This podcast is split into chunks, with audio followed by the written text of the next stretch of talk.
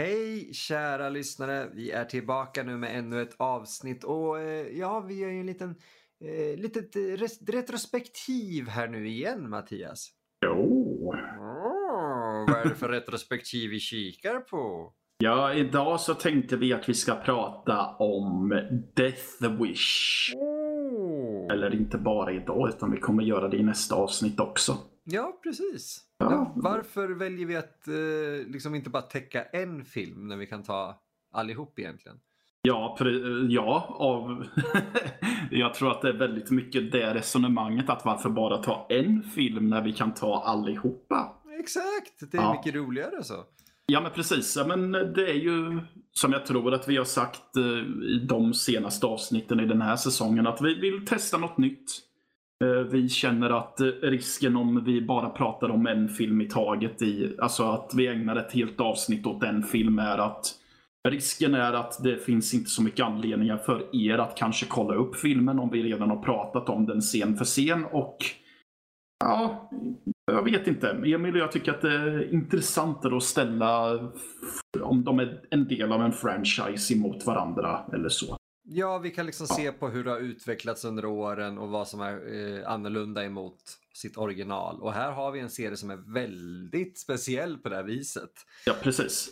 Sen vill jag nog slänga in en brasklapp att eh, vi kommer nog jobba för att vi inte ska bli typ eh, franchise-podden heller. Åh gud nej. Nej, Nej, nej, utan eh, Nu, nu råkar det bara bli så att det blir en eh, franchise efter en annan. Ja. Då får vi- se vad som finns i skötet längre fram. Uh, nej men helt rätt, vi kommer ju inte ja, prata om franchises hela tiden men eh, det här bara föll sig så rätt, gjorde det. Och det är ju nämligen Death Wish som sagt och eh, med den fantastiska titeln på svenska Våldets fiende nummer ett. Ja. Det, det är ganska unikt egentligen för att vi, vi har här en film från 1974, en filmatisering av Brian Garfields novell Death Wish. Eh, en filmatisering han själv inte var särskilt förtjust i. Nej. Men eh, filmen i sig har en trogen fanbase och det som är så intressant är att det är inte egentligen, första filmen är inte en kultfilm på det här sättet.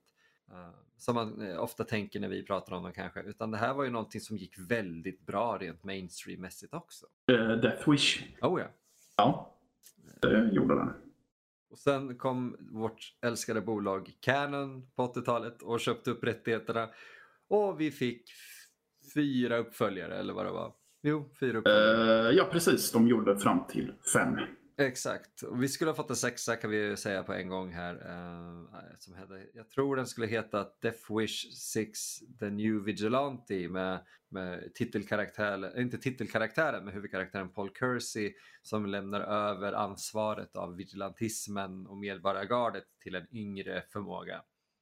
Det, alltså, jag hade nog hellre... vi- Hade de gjort en sexa så kan jag väl så här i efterhand säga att jag kanske hade velat se ett annat manus för det låter lite... Ja. Vi, du kommer förstå varför de höll på att ta den routen när man ser. Vi, vi har ju nämligen bara Eh. sett eh, första tre filmerna för det här avsnittet och sen Ja. kommer vi se de andra eh, Ja, tre, sorgligt nog. ja, vi kan väl klargöra så här att eh, Emil har ju sett alla en gång innan. Ett par gånger innan. Ett par gånger innan till och med. Ja. jag hade bara sett första filmen inför det här. Jo men det är rätt kul för då har vi de här olika insikterna eller vad man ska säga, de här olika sätten att se på dem. Ja, precis. Och jag, det verkar ändå som att du har haft en kul period när vi har sett dem. Eh, Ja, ja, det tycker jag. Framförallt eh, uppföljarna. Eftersom att jag inte har sett dem förut. Jag, jag var så Mm. lycklig att vi satt tillsammans och tittade på Death Wish 3. Ja, ja, ja. Verkligen. Det, det är ju en ehm, det är ju en perfekt film att se tillsammans med vänner. Visst är det det? Ja, det tycker jag. Den är kul och det är extremt mycket våld. Fast det är inte så gory. Men jag vet inte hur många människor Charles Bronson skjuter i den filmen. Men jag vet Åh, inte. gud. Alltså, det är, det är nästan- massor. Ja, ja, det är upp mot Rambo-nivåer. Ja. Eh, Men vi ska inte hoppa eh, händelserna i förväg här utan tillbaka till 1974. Death Wish, Mattias. Yes. Originalet. Vad anser du om den? jag anser den vara en superb eh, hämndfilm. Mm. Eh, och en film om eh, jag tycker också att det är en superb film om vigilantism. Det som jag reagerade på dock när, när vi tittade på den nu är att eh, jag trodde att den skulle vara mycket mer kritisk till eh, vapen ja. än eh, vad den till slut visade sig vara. Mm. För det, även om det finns mycket grejer jag gillar med den så tyvärr så känns det lite, så är det ju lite att om alla har ett om alla bara skulle kunna ha ett vapen så kunde vi städa upp i samhället gemensamt. Men Mm. samtidigt så eh, har jag en, annan förs- en helt annan förståelse till att den här filmen har den eh, vad ska vi säga, den inställningen till vapen. Mm. Än om till exempel en modern film skulle ha det. Oh, ja. Vi kommer förmodligen komma till en modern film som kanske har en helt fel inställning till vapen. Men det i ett annat avsnitt. Ah, Jag blir orolig. Jo men för eh, den utspelar ju sig under tiden som den är inspelad, det vill säga 74 och på framförallt 70-talet och en bit in på 80-talet så var New York, framförallt vissa delar av New York, ställen man absolut inte ville vara i om man inte eh, var uppväxt i stan och visste vilka områden man inte ska röra sig i, framförallt efter mörkrets inbrott. Mm. Ja, det var ju alltså en, en helt annan värld än vad vi kanske tänker på idag. För, för, för många i våran ålder tänker jag att eh, vi växte kanske upp med Spiderman-filmerna med Tobey Maguire och så. Och där är det ju Ja. New York en lite mer kul, skurkaktig stad fortfarande. Men på 70-talet, 60, 70, 80 där så var New York katastrofalt. Hela USA hade mycket eh, brott och sådär men eh, i New York lämnar man till och med ut flyers, alltså broschyrer med uppmaningar till eh, folk egentligen att hålla sig inomhus efter klockan sex. Japp. För att det var sån stor risk att råka ut för brott. Eh, Så det är inte konstigt att den här filmen eh, eh, resonerade med sin samtida publik eh, och ledde till så många uppföljare. Trots att boken och kritikerna eh, vet du det, absolut inte var för vigilantism eller medborgargard. Eh, För boken i sig eh, kritiserar ju att, att ta lagen i sina egna händer och säga att man ska man absolut inte göra. Och kritikerna sa att det är ju fruktansvärt att en film eh, baserat på ett sånt material istället vänder på det hela och uppmuntrar till, till våld. Som, som du sa det lite grann, vi alla kan ta varandra i händerna här med våra bössor och så kan vi gå ut och rensa stan. Åh, vad trevligt. Ja. Eh, vilket särskilt trean faller in i. Ja, ja precis. Ehm, men som sagt, eh, ja, men jag kan samtidigt förstå att filmen valde den här vägen. Oh, ja. Lite så, eftersom att eh, Ja, men som jag varit inne på, eh, människors förtroende för polis att faktiskt deala med problemen är inte, är inte särskilt hög. Mm, precis. Eh, sen finns det väldigt mycket som... Sen gör ju den här filmen väldigt mycket rätt. eh, utifrån att vara en hämndhistoria och en uh, vigilante historia. Som, alltså, som Paul Kersey är ju en, en vad, vad heter den nu igen? Han är en everyday man. Han är, Ja. ja. du menar arkitekt? Ja, precis. Arkitekt är han Ja. ju. Och han får ju sina... Han får ju sin familj... eh, Hans familj utsätts för tråkigheter. För, för att citera, och jag måste understryka att det är ett citat från Jay Bauman från Red Letter Media när de pratar om Death Wish 3. Paul Kersey's family, uh, it's, we can only say it like this. Everybody gets raped and killed. Uh, all of them. His dog, his father, his mom, his daughter, everybody he knows and loves gets raped and murdered. Ja. För det är exakt så det känns. Ja, men precis. Och i första filmen så uh, våld, våldtas hans dotter och hans fru våldtas och senare dör hon av eh, skadorna hon råkar ut för. Ja. bland annat så är det ju eh, ett av de små busfröna är ju Jeff Goldblum. Busfrön. Ja. Ja. Han, han känns alltid som ett busfrö. Oavsett vad han dyker upp i och vad han gör så känns det som, ja, där har vi gamle Jeff. Ja, ja men han, han har någon, i alla fall under hans tidiga kar karriär så har han någon slags spjuverinställning över sig. Ja, men den följde ju liksom med. Den har ju alltid följt med, den här spjuveraktigheten han har. Och det känns så weird då att tänka på honom som, ah, titta där är den lille spjuvern och sen så, ah, gud nej. Det här är Ja, en fruktansvärd scen. precis. Eh, Ja, ja, och den eh, våldtäktsscenen är fruktansvärt jobbig att titta på. Ja, den, den enda filmen som rivaliserar den i den här serien är tvåan. Den oklippta versionen av den för att den har med så otroligt mycket våldtäkt. Jag, för Ja. mig, det blir lite så här, det är ett jävligt billigt knep. Är det. Av- en filmskapare. För många vill ha med eh, bröst och, och naket och vissa vill så här, ja, vi ska känna karaktär. Vet du, jag, jag förstår när någon blir våldtagen. Jag behöver inte se det i fem, sju minuter oavbrutet. Jag, jag, jag är inte dum i huvudet. Jag förstår hur hemskt det här är. Ja, men precis. För jag, ty för jag tycker att den är väldigt välhanterad i första Mm, filmen. För alltså, den är ganska...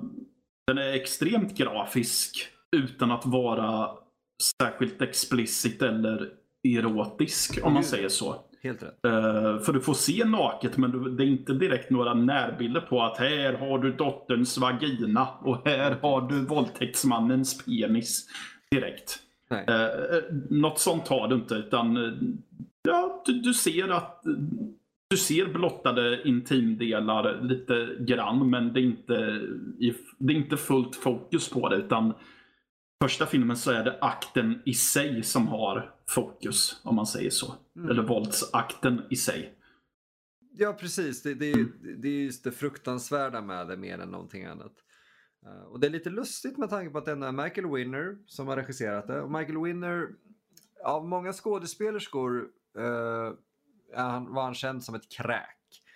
Eh, Okej. och eh, om det, det är någon av uppföljarna, jag tror det är trean, eh, kanske tvåan, så är det en kvinna där som är naken under en längre period och så. Och hon påpekade i en intervju för ett par år sedan att eh, man ska inte tala illa om de döda, men jag hoppas Michael Winner ruttnar i helvetet.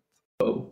Eh, och för oss är det ju väldigt kul att prata Death Wish. De är väldigt roliga så här hämndfilmer och så. Men vi har också sleazebagsen som är typ Michael Winner i, i bakgrunden där. eh, innan metoo Ja, precis. Och tyvärr får jag väl säga när jag tittar igenom hans eh, filmografi är ju att han har ju gjort filmer som jag antingen redan tycker om på ett sätt Mm. eller är mycket intresserad av att se. Jo ja, men alltså Ja. jag, jag, vad heter han som regisserar Rush Hour? Jag älskar ju de filmerna. Uh, ja, du, det har jag glömt. Uh, Bra, Eh, Brian Singer? Nej, det är X-Men-snubben. Ah, skitsamma. eh, du, jag kan kolla lite snabbt om du vill. Nej, för det, det är det tragiska med eh, en, en väl etablerad konstnär eller regissör eller vad som helst egentligen som gör fruktansvärda dåd. Att det, det, det, jag kan inte skilja konsten från konstnären. Jag tycker inte man bör göra det i så grova lägen. Nej, eh, det är Brett Ratner. Brett Ratner är det, okej. Ja men då var det ju inte helt off i alla fall. Nej, precis. Det var ett B i alla fall. precis. Eh, Ett B och ett R i alla fall. Det här. Yay, det är de små vinsterna i livet. Jajamän. Men första filmen i alla fall. Eh, Michael Winner och kära gamle Charles Bronson eh, teamade upp där och fick till en sju jäkla intressant rulle faktiskt. Eh, Ja. en, film som skiljer sig extremt mycket från sin uppföljare i, efter andra filmen i alla fall. Och det intressanta är att Michael Winner var ju regissör för alla filmerna upp till tre tror jag va? Precis, stämmer. Eh, det jag skulle komma till också är ju att vad som är viktigt, och jag pratade med dig mycket om det när vi såg första filmen. Att eh, för mig är det så viktigt när du gör en, eh, ja men den här typen av film, att det är en everyday person som ja, men pushas till att försöka ta lagen i egna händer så blir, har jag jättesvårt för om man inte om personen i fråga hanterar ett vapen väl. Mm. Här förklarar de det med att, hans, eh, att han var med sin pappa och jagade mycket. Så okej, okay, då kommer ni ifrån det. Men vad som är än viktigare här är att han har bara prickskjutit. Han har inte skjutit andra människor. Eller han har inte dödat någon förut. Nej, och han, han var ju i Korea. Ja, som eh, sjukvårdare. Mm, för han var pacifist. Precis. Eh, så jag uppskattar jättemycket att, de, att Michael Winner ändå har lagt in grejer som att han eh, mår illa och kräks när han har varit tvungen att, eller inte varit tvungen, men när han har dödat någon. Som typ eh, första personen han skjuter så jag, jag gillar den jättemycket. Dels är det för att eh, Charles Bronson blir så stel i den scenen på ett korrekt sätt. Han blir stel för att han eh, typ blir så fokuserad i att okej okay, nu ska jag ta det här jättesteget i mitt liv bränner av ett skott. Jag gillar att han... Där gillar jag att han skjuter från höften i princip. Varför han inte van? Nej, han är så ovan och han är så spänd inför situationen så han siktar inte ens ordentligt. Och jag gillar att han träffar eh, skurken i magen. Där det typ... Jag, nu har jag ju inte blivit skjuten själv någon gång. Och jag har inte skjutit någon annan heller. Men vad jag har förstått så är det ett av de mest smärtsamma partierna att bli skjuten i. Ja, de säger det att det, det är det för att du, du, blöder till döds och du har, det är så mycket som slits sönder att det finns inte mycket att göra. Ja, precis. Uh, vilket gör att den, är, den blir så smärtsam, eller vad man ska säga. Den blir väldigt rå på ett, på ett bra sätt. Ja, men den känns ja. skitig och, och så beige fast på, på ett verkligt vis som gör att allting känns som att det här skulle kunna hända. Mm. Jag tror inte att Death Wish 3 skulle kunna hända, vilket både gör mig positiv och lite ledsen. ja. uh, men jag, jag, känner att vem som helst, särskilt under USA den här tiden, kunde relatera till säga ja, det här skulle kunna vara jag. Ja, precis. Och Eh, och det, ja, alltså det går ju att prata jättelänge om första filmen om, oh ja. om så mycket grejer den gör rätt. Bara det att eh, han fångar inte förövarna som gjorde orätten mot honom personligen. Nej. De, vi ser dem bara när de utför dådet och sen så ser vi inte röken av dem igen. Ja, exakt. Och det är intressant för det är nog frustrationen lite grann över att polisen kan inte göra någonting för det här händer så ofta att de vet inte riktigt hur de ska göra. Precis. Så, så han, han vänder sig emot våld och brott överhuvudtaget. Ja. Eh, för han tar hämnd på det. Eller rättare sagt, han ska städa upp det, han ska hindra sånt. Och det är det som är så fantastiskt eh, att se ändå på något vis. Eh, för vi får ju i uppföljaren en mer personlig eh, hämndhistoria där han ger sig efter specifika människor. Men här i, eh, så är det det här mycket mer glesa, hopplösa. Jag vet inte hur novellen skiljer sig där i riktigt, men jag vet ju att manuset och novellen skiljer sig, eh, skiljer sig ganska stort. Men jag vet inte hur han ger sig efter dem där i. Nej, precis. Alltså jag hade gärna hunnit, ha hunnit läst Brian Garfields bok Ja, men vi har ju, vi, vi pratade om det precis innan. Vi har både novellen vi hade velat hinna läsa och vi har även en annan bok som heter Bronsons Loose av Paul Tabot som handlar om just alla Death Wish-filmerna. Ja. Och den ligger här, jag hade helt glömt bort den. Så vi ber om ursäkt för att vi inte är så pålästa om det här. Men det är inte heller därför vi är här, vi är här också för att prata om vad vi vet och tycker om Death Wish-serien. Precis, du nämnde också poliserna förut. Mm. Jag, jag gillar ju hur de är porträtterade också. för, för, en klassisk grej i vigilantefilmer är att skurkarna är, är, att ja, du har ju eh, de kriminella som är eh, de facto skurkarna i filmen för att de är skurkar. Men det är så väldigt lätt att man porträtterar polisen som bad guys också. Som individer som inte bryr sig. Här är de framställda ganska rättvist i att alltså, vi vill väldigt gärna kunna hjälpa dig, Paul, men det sker så mycket brott så vi vet inte hur vi ska kunna hjälpa dig ordentligt heller. Nej, exakt. Det känns, du vet, som upplägget för Robocop lite grann. Ja. Jag vill så gärna se Robocop och Paul Kersey tillsammans i en serietidning eller någonting. Ja. Make it happen. Make it happen, A-Bond Press. Ni kan göra det om några kan. Ja, ja. Det tror jag. Uh, ja. Finns det så mycket mer man kan säga om första egentligen? Egentligen inte. Vi skulle kunna gå djupare in på den och så. Men jag tycker det är intressantare då att vi kan gå vidare till Bronsons första uppföljare. Faktiskt. För Death Wish 2 var den första uppföljaren han gjorde. Jaså? Ja. Ja. Nu vet jag inte hur mycket han hade gjort in precis innan Death Wish heller för övrigt. Eh, han var populär. Han hade gjort, du vet, ganska stora, de här stora filmerna han var känd för. Eh, Harmonikan Hämnare, alltså Once upon a time in the West och sådär. Som, som är, det är så intressant. Så mycket erkända stora klassiker Charles Bronson var med i. Och ja. sen så slutar det med att han gör, han hade ju ett väldigt tragiskt liv Charles Bronson, men att det slutar med att han gör de här Death Wish-uppföljarna och uh, A Family of Cops och grejer. Men uh, vi kan ju ta glädje i att det ändå är underhållande filmer de flesta av dem. Jag ser att han tidigare gjorde bland annat Mechanic med eh, Michael Winner också. Mm. Ja, precis. Den som blev remakad av, av vet jag inte, men med Jason Statham. Jajamän. Ja, precis.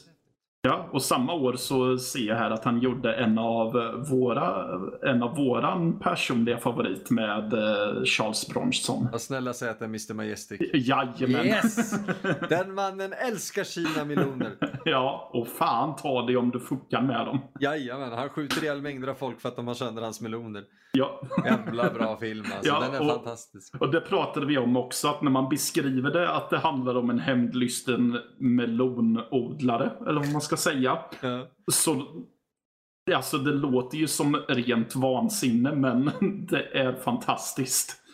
Det är verkligen det. Ja, och då, då menar jag inte det att ja, här har ni en schlockig actionfilm, utan nej, det är bra på riktigt. Ja, det, det är det som är så sjukt. För, ja. för man säger, nej, jag, över, jag försöker övertyga dig, det här är en bra film. Bara, men herregud, det handlar om miljoner. Bara, ja, det är bra! Ja. Det är arguably en av hans absolut bästa filmer. Definitivt. Ah. Uh, är Death Wish 2 det då? Oh, snygg segway. Um, ja. Jag vet inte riktigt. 1982 kom den, alltså åtta år om jag inte räknar helt fel efter. Ja, uh, stämmer. Ja. Det är en av trivia-bitarna på IMDB att den är åtta år efter wow. första. Matematik måste vara svårt för folk på IMDB. Eller hur? Um, nej, men det är väldigt intressant just för att det gick åtta år. Det, det fanns ja. förmodligen inte ens en tanke på att, att göra en Death Wish-uppföljare. För vi kan ju säga att den första filmen, vi ska inte säga hur det slutar, för de sluten är ganska intressanta, tycker jag. Uh, men ja. det, det slutar ju lite öppet. Men inte övertydligt om att vi kommer få en uppföljare. Däremot gör ju tvåan det. Men eh, slutet på första är fantastiskt och det, man, man, var nöjd. Man, du vet, man var mätt. Man sa, oh, coolt. Jag känner för att slåss mot våldet. Jättebra. Åtta år senare kommer Charles Bronson tillbaka som Paul Kersey, Kersey a.k.a. Paul Kimball som han går under som ett pseudonym. Uh, och det är i princip, eh, alltså i princip en upprepning av plot-threaden från första filmen fast ändå inte riktigt för här, eh, hans dotter har blivit eh, komatos eller så här, traumatiserad av, av eh, traumat från första filmen. Och hon eh, har inte sagt ett ord på hur många år som helst egentligen. Eller hon har börjat prata nu de här åren senare. Och hon, eh, hon utsätts för våld och våldtäkt igen. Ja alldeles för sexualiserad och slisig scen som gör mig obekväm. Jag tror, innan, Precis. vi räknar Ja. det, inom de första 20 minuterna har vi två väldigt explicita grova våldtäkter. Ja, och här hade Emil och jag väl, vi upptäckte ju ganska tidigt att, eh, ja innan vi ens satte igång filmerna så konstaterade vi att min version av filmen var typ 10 minuter kortare, kanske inte riktigt 10 men, men någonstans typ åtta- där uppåt. åtta, nio Ja. någonting. För du, du hade en gammal eh, eh, censurerad utgåva och jag Ja. hade de nya Blu-ray-utgåvorna. Ja, precis. Eh, och eh, eh, där vi märkte det som tydligast är ju första våldtäktsscenen då hans, då Charles Bronsons, eller Paul Kerseys hushållerska blir våldtagen av eh, Lawrence Fishburne och company. Ja, han är trevlig i alla fall. Men, Ja, ja. eh, efter att ha gjort Apocalypse Now så spelar han våldtäktsskurk i ja. Death Wish 2. Ja, precis. För min... eh, ja, alltså... min varianten var ju obehaglig och det var, rådde ju inga tvivel om att det var våldtäkt överhuvudtaget. Men sen helt plötsligt så konstaterade, vi, konstaterade jag att nu är min våldtäkt färdig. Och Emils verkar fortsätta. Ja, för du, eh, vi ser ju dem eh, på distans tillsammans gör vi. Så Ja. vi satt där och pratade samtidigt och sen kommenterar Mattias någonting. Eh, och jag säger, vänta, va? Jag ser inte den scenen. Och bara, va? Är du kvar, är du kvar på våldtäkten? Ja, de har knappt börjat här. Och så fortsatte det ganska länge. Och så, vi, det, det var så intressant att försöka vänta in varandra tills vi gav upp det där. Men, men Ja. han väntade in mig och bara, fast är, är, det, är du där än? Bara, Nej, still raping. ja, bara, ah, fuck vad obehagligt. Och det, det är inte, det är inte så obekvämt för att det blir, åh, ja, usch vad, urr, vad obehagligt. Utan mer så här, snälla ni, jag behöver inte se mer för att effekten är där. Det är som när Ja. man blir full. Du, kan, du blir bara så full, sen går det ut för. Ja, men det är ju som uh, spindelscenen i eh, The Beyond. Ja, Eh, Den håller ju på så pass länge så att man sitter och tänker att ja, jag fattar att han blir uppäten av spindlar. Kan vi snälla gå vidare? ja den blir ju bara Ja. komisk. Ja, och jag älskar The Beyond i det är sin en av helhet. bästa filmer. Ja, ja, precis. Men den scenen eh, är bland det sämsta med den filmen. För dels håller den på så länge så att man tröttnar på det och du börjar bli väldigt medveten om effekterna i film i den. Ja, de är inte bra.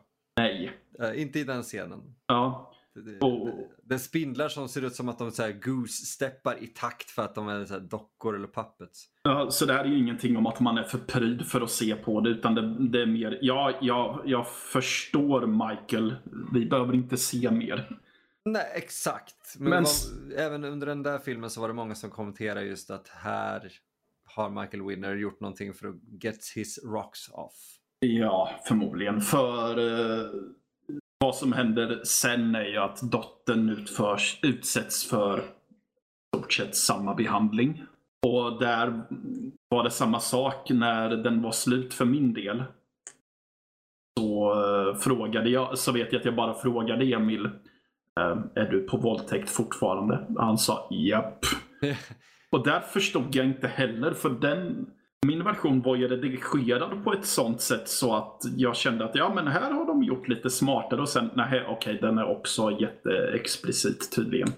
Okej. det var det som var så sjukt just för att den jag såg, eh, där hade de ljussatt det och det hade kunnat se sensuellt ut om de bara hade velat klippa det så, vilket är helt sjukt för mig. En våldtäktsscen ska aldrig kunna klippas sexuellt eller sensuellt. Nej men alltså för grejen är den att eh, Då har du misslyckats enligt mig. Ja, ja, för vi pratade om det att Mir Sarchi har ju väldigt, han har ju en 40 minuters lång våldtäkt i um, I spit on your grave. Men där känner jag att det funkar för den i sin helhet obehagliga upplevelsen där. Men vad som är key där är att den blir aldrig porrig. Åh gud nej. Nej, för den är så smutsig Ja, den det, våldtäkten och det går inte att göra den våldtäkten sexig. nej, och den, Mm. den känns lite utdragen men det känns hela tiden som att det händer någonting rent storymässigt. Ja, Precis. Här blir det ju, o- här blir det ju här blir det obehagligt på ett annat sätt för att det känns som att oj, det, regissören går igång på det här. Precis. ja.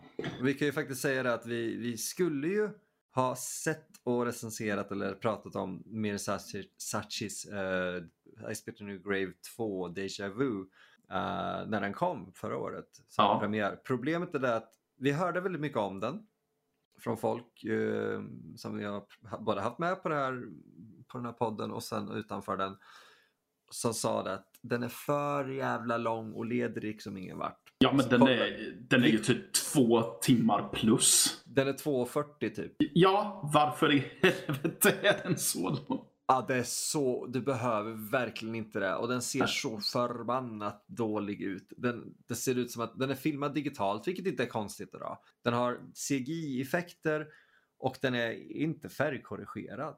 Till och med Camille Keaton tyckte att den var alldeles för lång och hon spelar huvudrollen och är bara känd för I Spit a New Grave. Ja. Eh, Men det var ju... Pra- eh, vi pratade ju med någon som skulle försöka redigera ner den till en och en halv timme.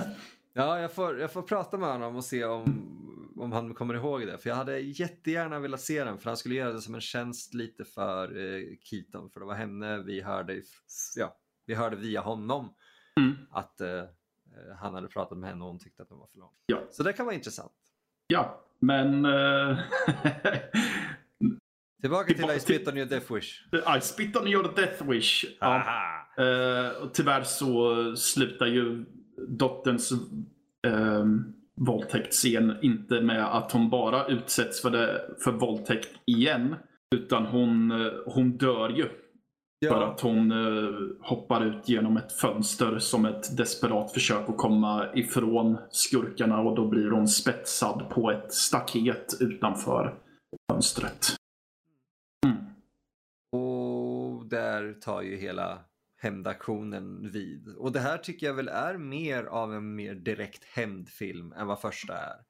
Ja, precis för att de som han ger sig efter har på ett eller annat sätt en koppling till hans eh, till illdådet som hans familj utsattes för. De, kan vara det kan vara kumpaner till någon av gängmedlemmarna eller så är det faktiskt gängmedlemmarna.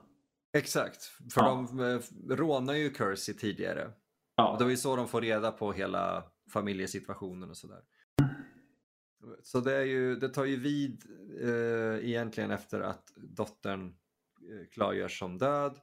Och Kersey och hans, eh, inte nya fru men fästmö, ja de, de försöker helt enkelt bara komma vidare. Eller ja, Kersey isolerar sig lite grann för han vet vad han behöver göra. Så Ja. han tar på sig en eh, mössa och tar med sig pengar ut och köper lite vapen och grejer. ja. Och börjar jaga ner de här.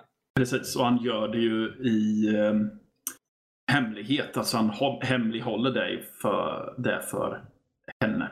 Precis. Ja, hon är ju en reporter på en väldigt så här, känd eller stor eh, lokalradio i LA som pratar väldigt mycket om eh, det här med att det, det är fel att döda någon som har dödat någon.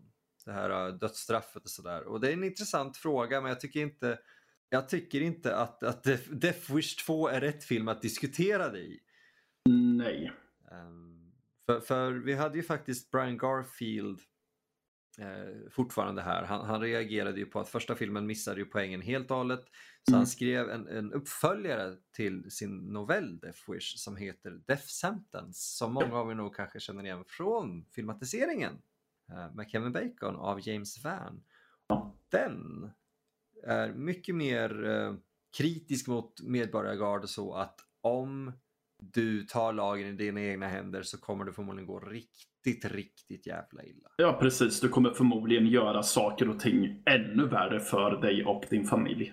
Precis. Mm. Och film, den filmatiseringen, eh, vi, vi valde att inte ta med den i Mm. just den här eh, serien här. Men eh, den kan vi definitivt rekommendera utan tvekan. Ja, ja, det är en... Jag vill nästan säga att det är en briljant film. Det är, det är en briljant film och kanske James Vans mest underskattade. Ja, ja, jag skulle nog nästan vilja säga att det är min favorit av hans filmer. Intressant, ja. Ja, eh, tillsammans med typ första så. Ja, den är smart. Den, den, Ja. den är riktigt bra. Ja. Men det här är en av få filmer faktiskt som fick, vilket är väldigt intressant, fick noll stjärnor av Roger Ebert. Han gav väldigt få filmer noll stjärnor. Jag tror han gav I Spit on Your Grave noll stjärnor också. ja. Men wow, det är ett hårt straff för en film som i stort inte är värdelös. Nej, den är faktiskt inte så tokig egentligen. Nej. Eh, jag, jag, jag hade lite problem med tempot av någon anledning i filmen. Ja, men jag tror, jag, tror på riktigt att det är att den vet inte riktigt vad den vill. Den är lite identitetslös. Eh, för det är ju som sagt uh, Canon som köpte upp rättigheterna från Dino De Laurentiis som gjorde eller, första filmen där, eller stod bakom den. Eh, och de var ju mer kända för sina sleaze och actionfilmer. Och de försöker här ha lite av en poäng, det här med dödsstraffet och sådär. Och det, det, det, det klickar inte att blanda de här två, sleaze action och Nej, moralisk för, poäng. nej precis. För nu kommer jag ju låta som en filmtittare som jag inte tycker om. Men jag tycker att den är som bäst när Charlie är igång och jagar eller skjuter folk. För att det är det Canon gör bäst. Ja, precis. För de scenerna är väldigt välgjorda, Mm. tycker jag. Och, Jag, jag är helt för smartare filmer, men det är inte det jag tittar på en Canon-film för. Nej, precis. Och sen för resten, alltså just eh, själva karaktärsdramat och så, är, det, det känns så hafsigt på något sätt. Och jag, vet att, eh, och jag vet att jag frågade dig, hur kommer det sig att, eh, att alla agerar som att de är med i en film för första gången i den här filmen? Till och, med, till och med Charles Bronson framstår som att han, det här är hans absolut första film han har varit med i. Oh, men Vilket- man, ja. Vilket är långt ifrån sanningen. Jo, men jag tror det att manuset är inte bra här. Eh, Nej. Det är inte i toppkvalitet. Det, det, det är inte ens skrivet av, av samma författare som förra filmen och sådär. Och, och till och med den här nya författaren, David Engelbach tror jag han heter, Ja, Han eh, kritiserade filmen i slutändan därför att de hade lagt in mycket mer våldtäkt och våld än vad han hade haft i, från början. Så Ja. jag tror manuset i sig från grunden var nog du vet, mer av ett försök att göra en dramatisk film igen. Alltså en, Ja. en mer de facto uppföljare till första filmen. Medan eh, Golan och Globus, Canons eh, patriarker, helt enkelt ville ha en kul actionfilm och ja, vi kunde få in lite mer eh, moral där. Ja. Jättebra, fint, fint, fint. Jag tror helt enkelt att Bronson och alla där, de visste inte vad de skulle göra och de brydde sig inte riktigt för att ah, nej, jag måste göra en uppföljare för jag behöver pengar. Ah, fuck it, då gör vi det här och den försöker vara som första igen. ja. Nej men. Sen. Mitt absolut största problem dock. Och det var någonting jag också gnällde över när vi tittade på den. Det är all denna exposition-dialog Ja, som är okej. inskriven. Jag vet inte vad som är... Ja, det heter exposition va? På svenska med va? Ah, jag skulle bara kalla det informationsdump. Ja, det är eh, precis. Det. Är, så mycket in, det är så mycket dialog som bara är eh, informationsdump. Alltså det är framförallt när de klipper tillbaka till eh, ja, då det ska föreställa New York då vi får träffa polischefen ifrån förra filmen. Åh gud ja. Ja, där är varenda, varenda replik i den scenen är bara informationsdump efter informationsdump efter informationsdump.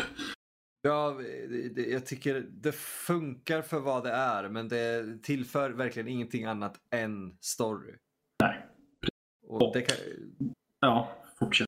nej, men det kanske inte låter som en dum grej men när det är klumpigt hanterat så är det väldigt uppenbart.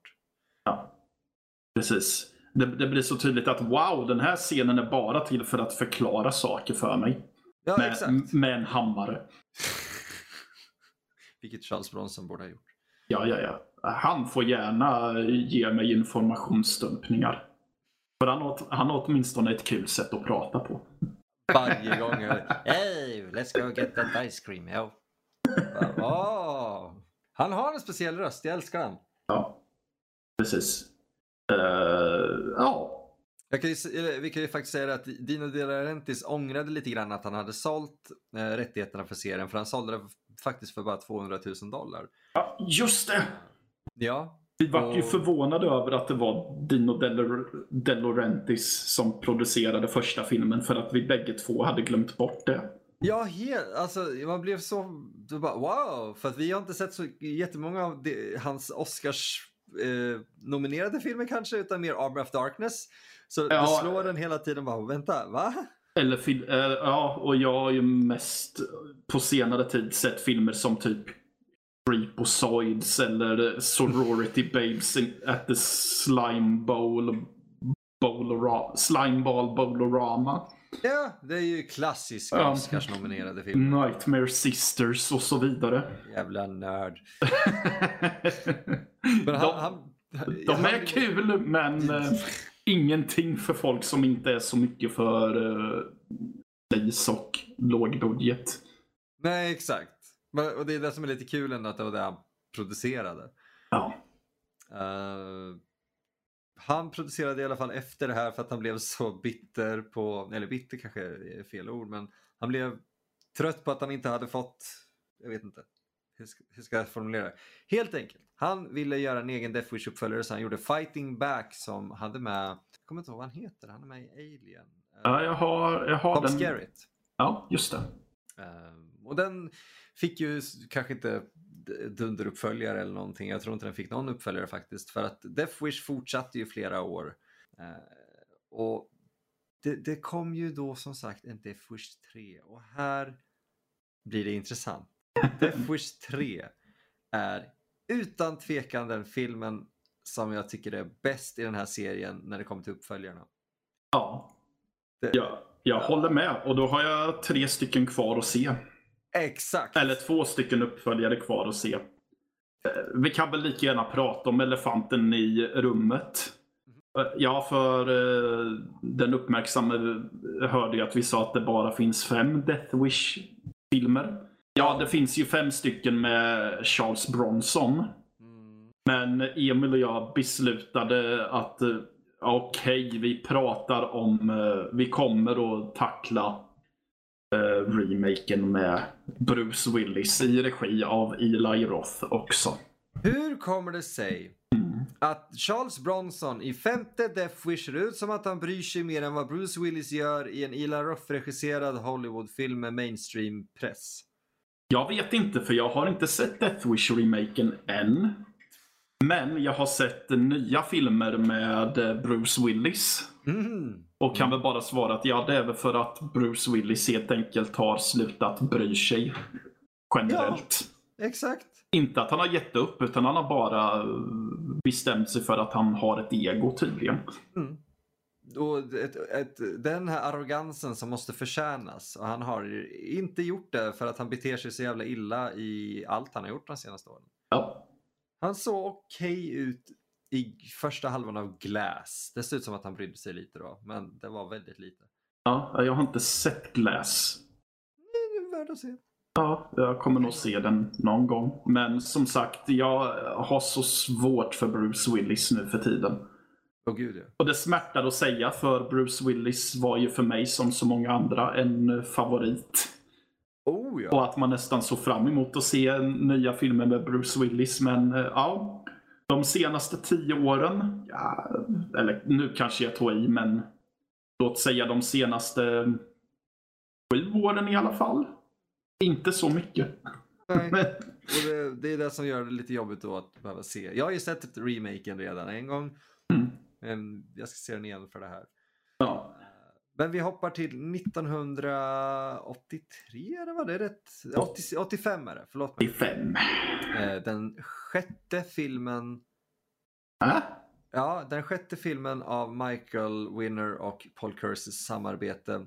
Och det var den sista de samarbetade på. Du menar Charles Bronson samarbete? Vad sa jag? Du sa Paul Kersey. Jaha, Charles Bronson.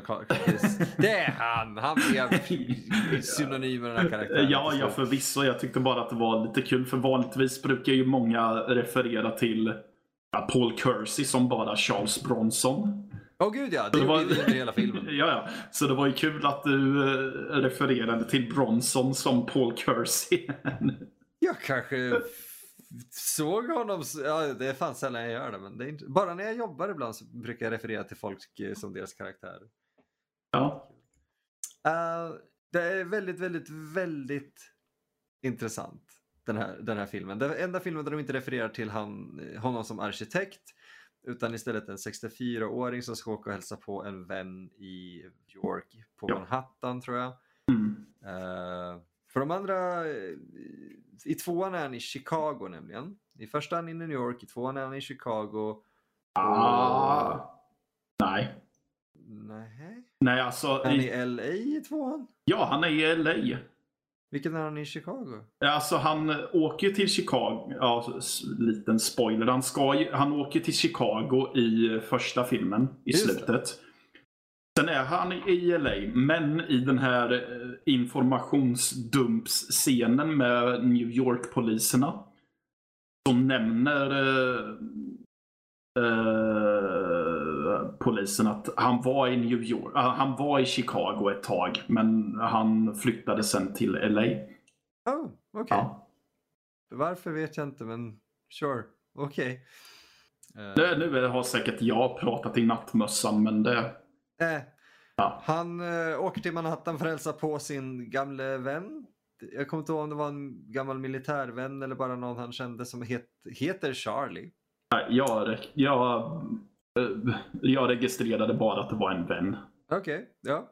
För just det, för det kommer in att eh, hans eh, granne där var det- hans gamla krigsvän. Ja. Och innan Charlie hinner dit, eller Bronson hinner dit helt enkelt, så mördas Charlie, alltså hans vän, breaking and entering. Ja. I ett inbrott helt enkelt. Och den här filmen är så härligt rak för den börjar lite mer subtilt eller så här, lite mer som de första två filmerna. Och, bara, ah, okej. Mm. och sen blir det i princip ensam hemma med Charles Bronson. ja, det, Och jag älskar varenda sekund. ja. Ja, men precis. För här, eh, här har man ju ehm, gått ifrån, här har man gått ifrån att försöka behålla en, eh, bilden av en thriller som får fram en eh, poäng om samhället. Det finns säkert någon poäng om man väljer att se det på ett visst sätt, men Till och med Bronson argumenterat om det, sen sa han fast jag tycker inte om excessive violence så det är exakt vad den här filmen är. Ja, precis. Ehm, här känns det som att eh, Michael Winner har börjat eh, lära känna vilken publik det är som tittar på Canons filmer. Eh, och det känns som att Charles Bronson har förstått det också. För han har en mycket han har en mycket slappare och skönare inställning i den här filmen tycker jag. Av någon anledning, för att Ja. han, han pratar inte gott om Death Wish 3, men han verkar ha haft superkul under inspelningen. Ja, för i första film, eller i andra filmen känns det som att han Hans sätt att leverera repliker på där känns som att han vill inte göra den här filmen Going egentligen. emotions liksom. Ja, och här känns det som att, ja, okej, han kanske egentligen inte vill göra det, men han känner, ah, fuck it, jag gör väl det bästa av situationen. Det är faktiskt väldigt intressant för att jag tror det här är den där han ser ut roligast av alla filmerna i serien. Ja, ja. Och, och tredje akten är så bonkers att Ja. det är svårt att ta det på allvar. Jag tror inte man ska göra det. Men då har den ändå byggt upp ganska mycket. Så, ah, folk i det här eh, området misshandlas och det är inbrott och vandalisering hela tiden. Och det här, det här gänget med creeps som är jättefarliga.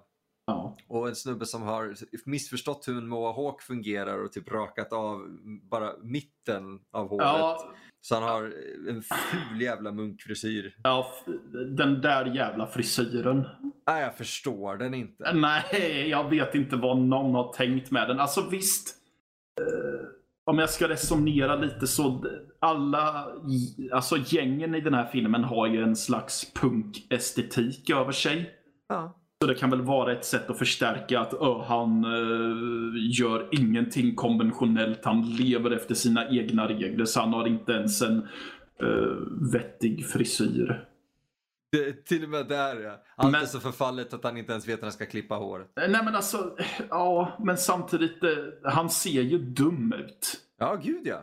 Ja, Han ser ut som om Freddy Wadling hade varit korkad under sin Cortex-tid och rakat huvudet fel. så det är ju ingenting som gör honom intimidating. Visst, det, gänget har ju en fäbless för att måla sig i någon slags röd och svart krigsmålning Mm. i ansiktet och då kan ju han dra ett streck på skalpen så. Sure. Men det blir ju inte mer intimidating om man säger så. Nej, nej, nej. Han, ser bara...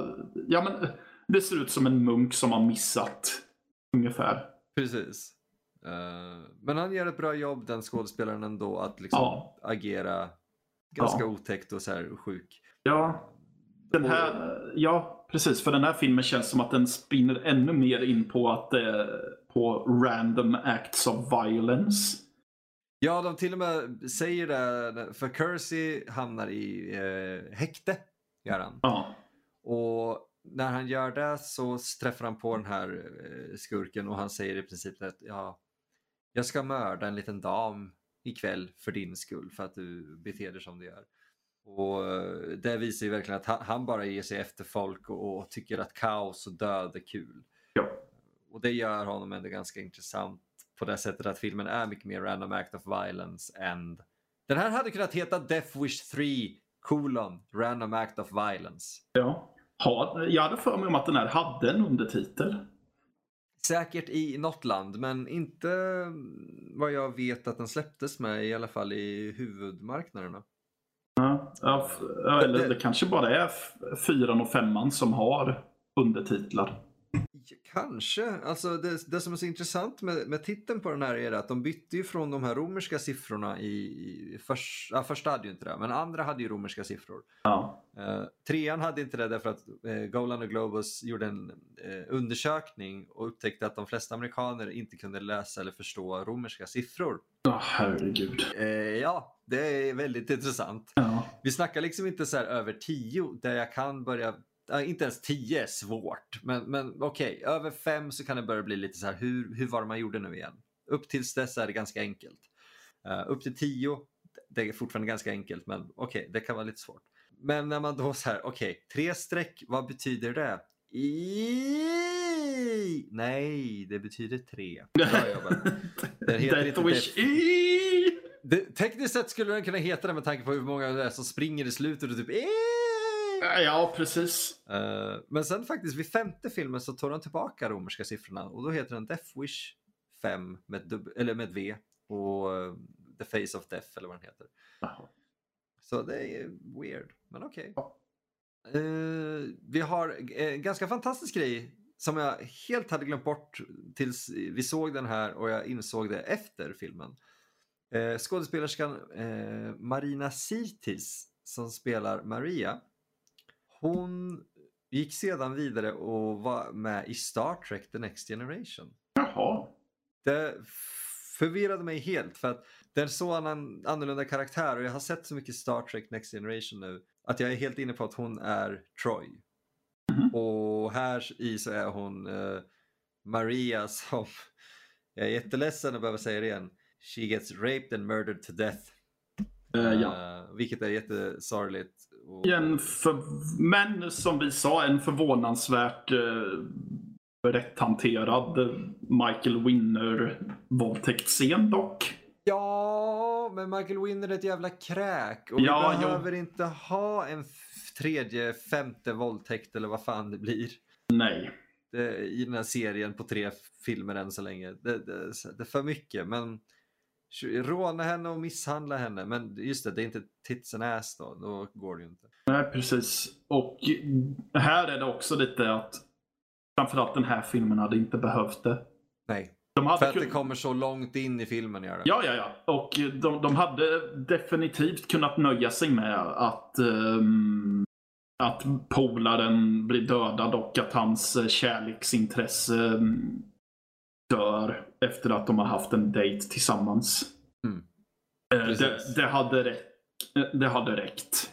Ja, Eh. och den dejt, alltså hennes dödsscen är helt briljant. Ja, ja. det är det. Det, det, de knuffar en bil, som hon, hon, hon sitter i en bil och väntar på Kersey. Så blir hon slagen i ansiktet och sen så knuffar skurkarna bilen och den åker ner in i en så här eh, T-junction eller intersection, vad fan heter det? En korsning. Korsning heter det. Och den kör in i en annan bil, träffar dess motor, tror jag. Och så så, ah, okej, okay, de har kraschat. Boom, boom, boom, boom, och exploderar i två, tre, fyra stora smällar. Ja. Man säger bara, vänta. Hade ni liksom dränkt skiten i bensin innan ni åkte iväg och hade en dejt? Eller vad hände? Var ja. Ja, uppenbarligen. Underbart. Ja, verkligen. Uh, nu kommer ju det lite hyckliska med tanke på att uh, jag kritiserade första för att det um, var så mycket vapenkärlek. Yeah. Det, den här filmen är ju det deluxe. Men den gör det så överdrivet så att det är svårt att inte bli kär i det. Alltså jag, jag, ja, ja. för att Som, jag älskar den. Ja, precis. Och jag älskar, för här är ju nya favoritvapnet för mig. Det är ju Bronsons personliga Magnum-pistol som han beställer hem på posten i stort sett. Jag tror han gör det med den. Eller hur är det med den? Han beställer väl hem... Är det den han beställer hem? Uh, jag kommer inte riktigt ihåg hur han kommer över. Nej, han beställer hem raketgeväret. Ja, raketgeväret beställer han hem. För som... ja, han har med ett raketgevär här i. Jajamän. Han använder det bara en gång, men oj, oj, oj, vilket det... bra sätt det används på. Oh, ja. Ja. Oj, ja.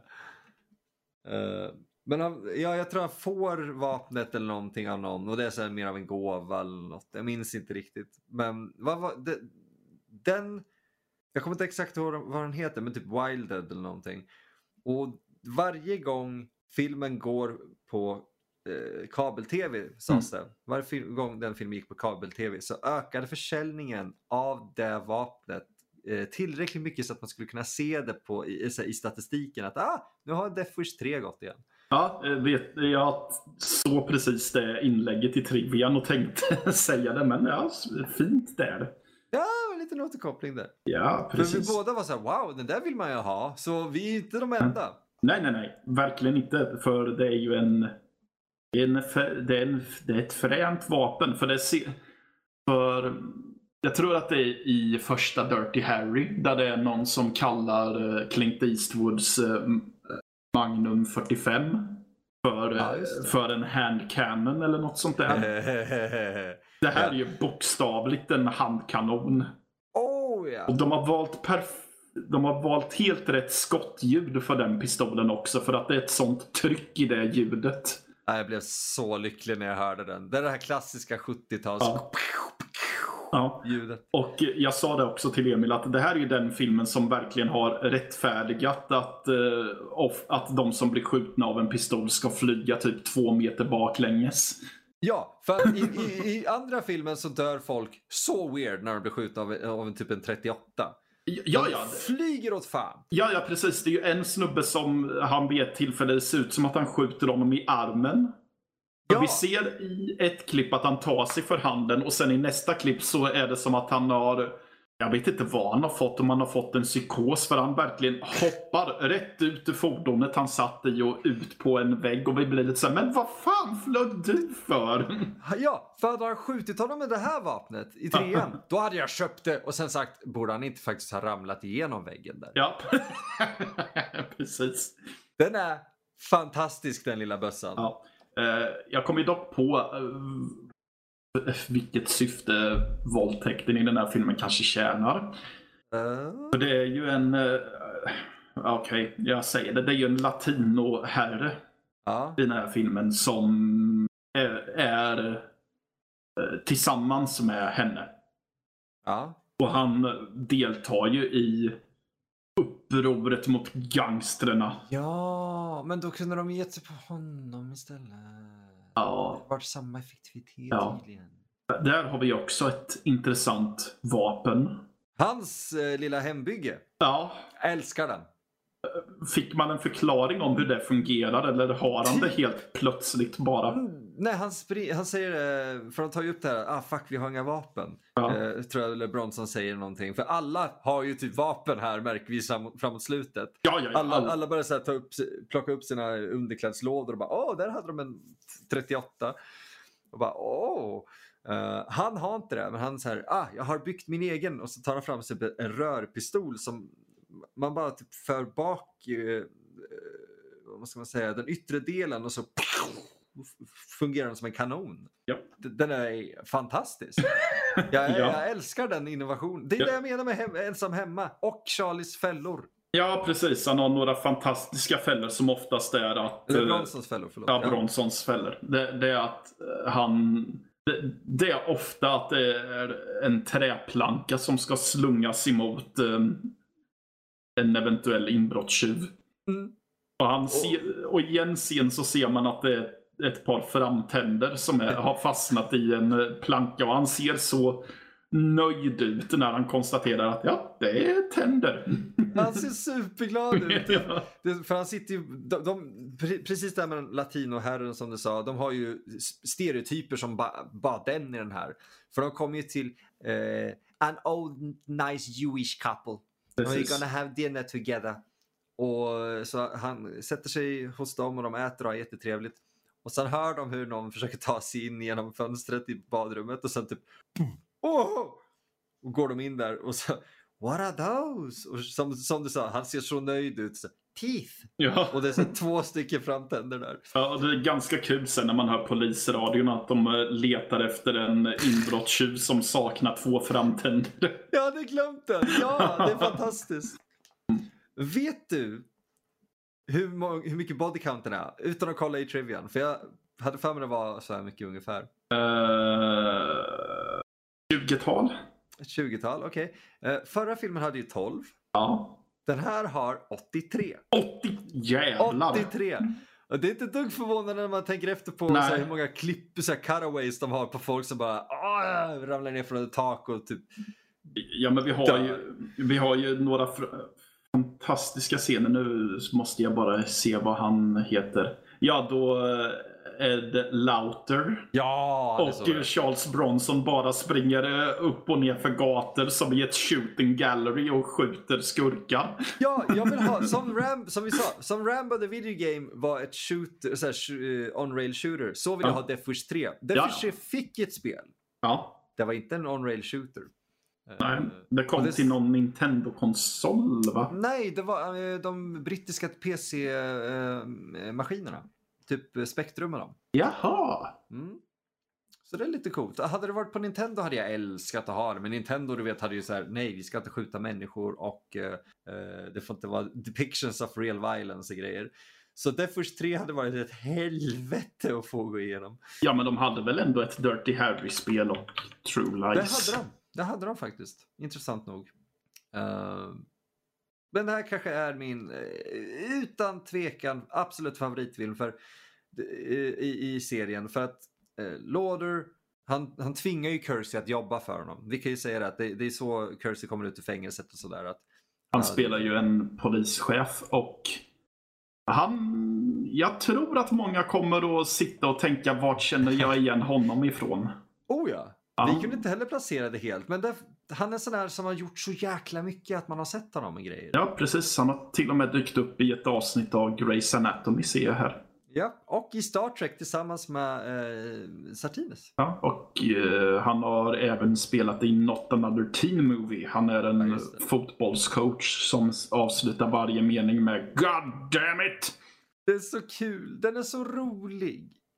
Ja, han är rolig i den. Alltså, det är hela filmen, men, men Ja. ja. exakt. Lauder och, och Bronson tillsammans är kanske den bästa team-upen någonsin Ja, du- i du- en sista akt. Ja, du menar i uh, Death Wish 3 nu? Ja, att den, ja, du menar att den var rolig? Ja, ja. Ja, ja, jag trodde att du menade att uh, Not Another Teen Nej, Movie nej, nej, var jag, jag vill bara hålla mig till så här ämnet för annars... Ja, förlåt. Nej, nej, det är ingen fara. För att den är, rätt, den är småkul. Den, den teen movie. Jag har sett den många gånger.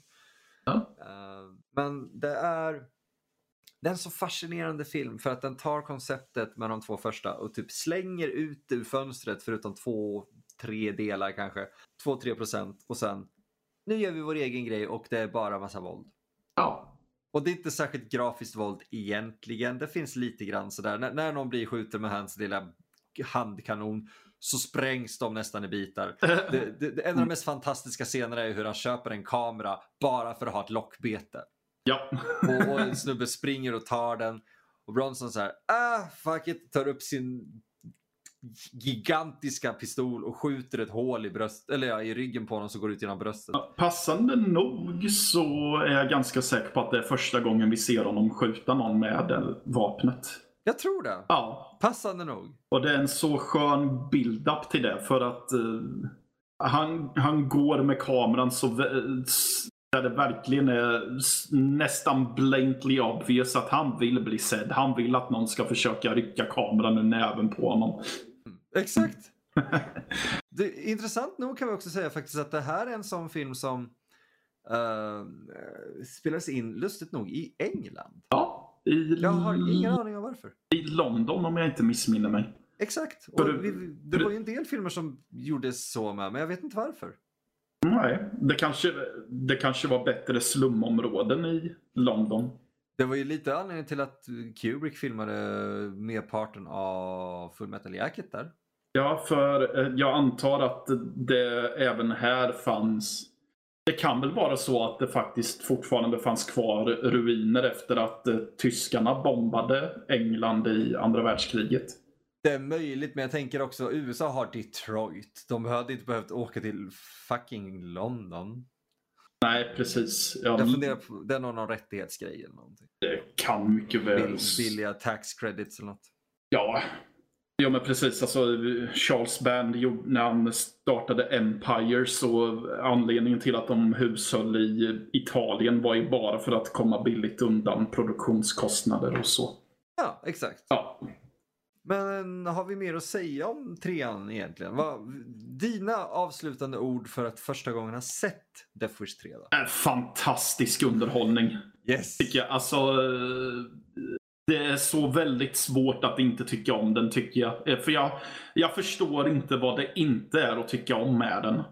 Nej, då kan vi tänka också att det här var den filmen i serien eh, upp till den här punkten som fick sämst mottagande av kritiker. Ja, men eh, det här är, ja, men det är ju det. Det här är ju en typisk sån film där som fansen älskar och kritiker hatar. Mm. Vilket förmodligen är för att kritiker måste bedöma eh, själva filmhantverket. Och ska man bara bedöma själva hantverket så kan jag väl förstå kritiker. Ja, men samtidigt så tycker jag att de är dumma i huvudet. Ja, alltså. Ja. Det, det, jag vet inte om det finns någon film från 80-talet som har en så stor following. Och den uppföljare. Ja. Eh, första har inte den här typen av, av fans och publik. och ett sånt varmt mottagande som trean har. Det, det, finns så mycket olika eh, alltså, grupper och, och sådär om, om, dåliga filmer eller så. För att vissa, man, man, kan se att folk tänker so bad that it's good film. Men jag tycker bara att den här är genuint bra. Ja, det tycker jag med. Plus att jag försöker göra allt för att jobba bort just den termen du just sa där. Åh gud ja, jag, jag, jag gillar inte den heller. Nej, precis. Uh, nej men alltså. Det, det är bara en fruktansvärt underhållande film. Med faktiskt riktigt bra skådespelare som gör bra grejer. Mm. För vi har ju, ja men vi pratar ju om honom, han som spelar skurken. Jag vet inte vad skurken heter så jag har svårt att hitta hans namn här. Eh, men vi har också, vi har ju också trevliga bikaraktärer som eh, Ed Lauter som vi pratade om förut eller Martin Balsam. Ja. Ja, Martin Balsam som vi känner till mest ifrån Psycho som ja. snubbe som eh, privatdetektiven som ramlar ner för trappen. Ja. Han är ju fin han är fantastisk. Ja, ja, ja. Bitter som fan, helt underbar. Ja. Sen bara en liten, en liten grej att uh, hålla på och prata om lite kort. Det är ju att vi har du hittat någon trivia som har förklarat hur de har fångat ljudet i eh, scenerna mellan Martin Balsam och Charles Bronson? Alltså det här är ju en, en, teknisk grej som vi pratar om under filmen för att mm. de har haft väldigt, väldigt högt till tak och jag tror, jag vet inte fan om det skulle hamna på någon trivia så sätt för att det är nog det är nog mer en sån där, om man lyckas lösa det så förstår man mer ljuddesign-tänket. Men ser man full frame edition så ser man hur enormt det är till tak. Ja. Vilket betyder att de har förmodligen gömt mickboomen någonstans. Men var? Ja. De, För- de, de, du ser golv och tak. Ja, precis. Och det, det är svårt att tänka sig att de har lyckats gömma den ner till någonstans. Ja. För du ser golvet ganska tydligt och Ja. det blir lite så här, men okej. Hur har de kunnat ta, hur högt upp har de kommit med den? Eh, min fundering var ju också om de använde myggor, men jag vet inte hur bra teknik det var på 80-talet. Exakt. Ja, det var bara en liten teknisk funderare där. Jag tycker det är en, asbra teknisk funderare för om någon har en idé, säg till oss för att Ja. vi vet själva inte helt. Ja, nej men så förutom om man inte har sett första filmen så är det ju klart att jag rekommenderar den. Men förutom den så är det här en solklar rekommendation. Också. Exakt. Jag skulle nog nästan vilja säga att man... Skippa alla filmerna förutom första och den här. Alltså Ja, ja, om man ska se två. Ja, precis. Ja, jag skulle nog nästan säga att eh, om i värsta fall så skulle jag väl säga att man kan se den här utan att ha sett ettan också. Utan tvekan, för då är det bara en 64-årig snubbe som dyker upp någonstans och skjuter ner hela det dåliga området. Ja, så jag kan väl säga att eh, av de vi har sett hittills så är väl det här den som står på eh, sina egna ben bäst också. Så ja. För de andra bygger väldigt mycket på hans tidigare koppling till antingen hans arkitektliv eller hans tidigare familj. Ja, Här gör det inte det. Nej, eh, Ed Lauter pratar ju om att han, att han vet att Kersey är en gammal vigilante. Mm, jo, Men- det är väl de scenerna. De, de ägnar inte så mycket om vad han har pysslat med så mycket heller. Nej, så jag är superglad för att den här filmen finns faktiskt. För den, är, den, den roar mig ytterst. Ja, och eh, precis. Den är ju bäst av uppföljarna, men jag tror att jag sa det till dig också när vi hade sett färdigt den, att jag tror att om jag ser om någon Death Wish-film så tror jag nog att jag kommer att välja att se Death Wish 3. Det här är den som jag har sett flest gånger. Ja, ja, ja, precis. För jag tror att det är den man... Jag, skulle nog välja den hellre än ettan vid några tillfällen. Oh ja, definitivt. Ettan är en helt egen grej. Ja, eh, precis. Den här är lite...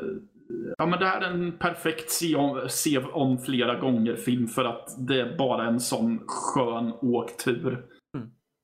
Och den behöver inte 15 öl för att man ska komma igenom den. Definitivt inte. Eh, men jag rekommenderar en lager. Ja, ja, en lager sitter ju fint till den här filmen. Jag tror det. Lager och en pizza. Det här är en öl och pizzafilm. Ja, ja, precis. Fasen vad bra. Antingen för i starten av ett eh, maraton med tveksam kvalitet eller för att rensa luften av allt annat mög man har tryckt i sig. Det tycker jag är en perfekt definition av den här filmen faktiskt. Ja. Det här är en fräsch luftrensare. ja, precis. Precis som Bronson var i deras område där, i deras neighborhood. Oh yeah. Mm. Så, där har vi de tre första Death Wish-filmerna. Uh, det är en intressant liten serie det här, uh, som sträckte sig från 70 till 90-talet. Och vi kommer självklart titta på de andra två filmerna i serien och sedan remaken också och ta upp dem i nästa avsnitt faktiskt. Uh, så tills dess Mattias, har du någonting nytt eller, eller ja, någonting annat du vill säga? Nej, inte som jag kommer på just nu. Vi är jättetacksamma för att ni har följt med oss på de streams vi har haft också. Även om den här, det här avsnittet kommer ut lite senare än eh, ja, när vi spelar in det så är vi bara väldigt tacksamma för det och vill, vill bara uttrycka det. Ja. För er. Är det så att ni vill skriva till oss eh, så kan ni alltid skriva till info.nordlypodd.se eller respektive namn Emil eller Mattias så kan ni där kasta in lite förslag eller tankar ni har. Eh, vill ni följa oss helt enkelt på sociala medier så kan ni göra det på nordliv.se på Instagram och eh, Twitter. Vi finns även såklart på Facebook. Vill ni trakassera Mattias live så kan ni göra det eh, att rostig sked på Instagram. Och om ni vill skicka blommor och blomster till mig så kan ni göra det att indieemil på Instagram. Varför ska jag bli trakasserad för? Därför att du är den gulliga av oss. Ja, Du precis. är den som måste få du vet, sexuella trakasserier i form av pussar och kramar och... Ja, det kan jag nog leva med. Jag är, ju, jag är ju faktiskt väldigt söt. Ja, med tanke på hur den här filmserien använder sig av våldtäkter på ett så billigt sätt så kan vi alltid använda sexuella trakasserier mot våran lilla oskyldiga skäggpojke här. Skäggpojke, det lät fruktansvärt. Jag menar vår gull... Han har ett jättestort skägg och han är jättegullig. Hur fan ska ni kalla det? Perfekt avslut. Nu kommer en vigilante komma efter mig och skjuta mig i ögat. Jajamän, det ska jag se till. Fan också. Ja, ja. Men tack så jättemycket för den här veckan och vi hörs snart igen. Det gör vi. Hej då! Hej då.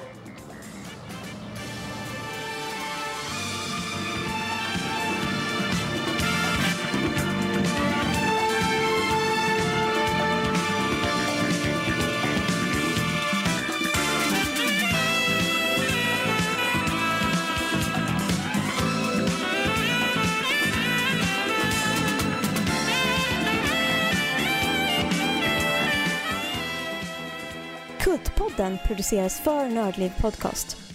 Medverkande är Emil Johansson Levin och Mattias Malm. Producent är Fredrik Olsson och musik av Max Löfström.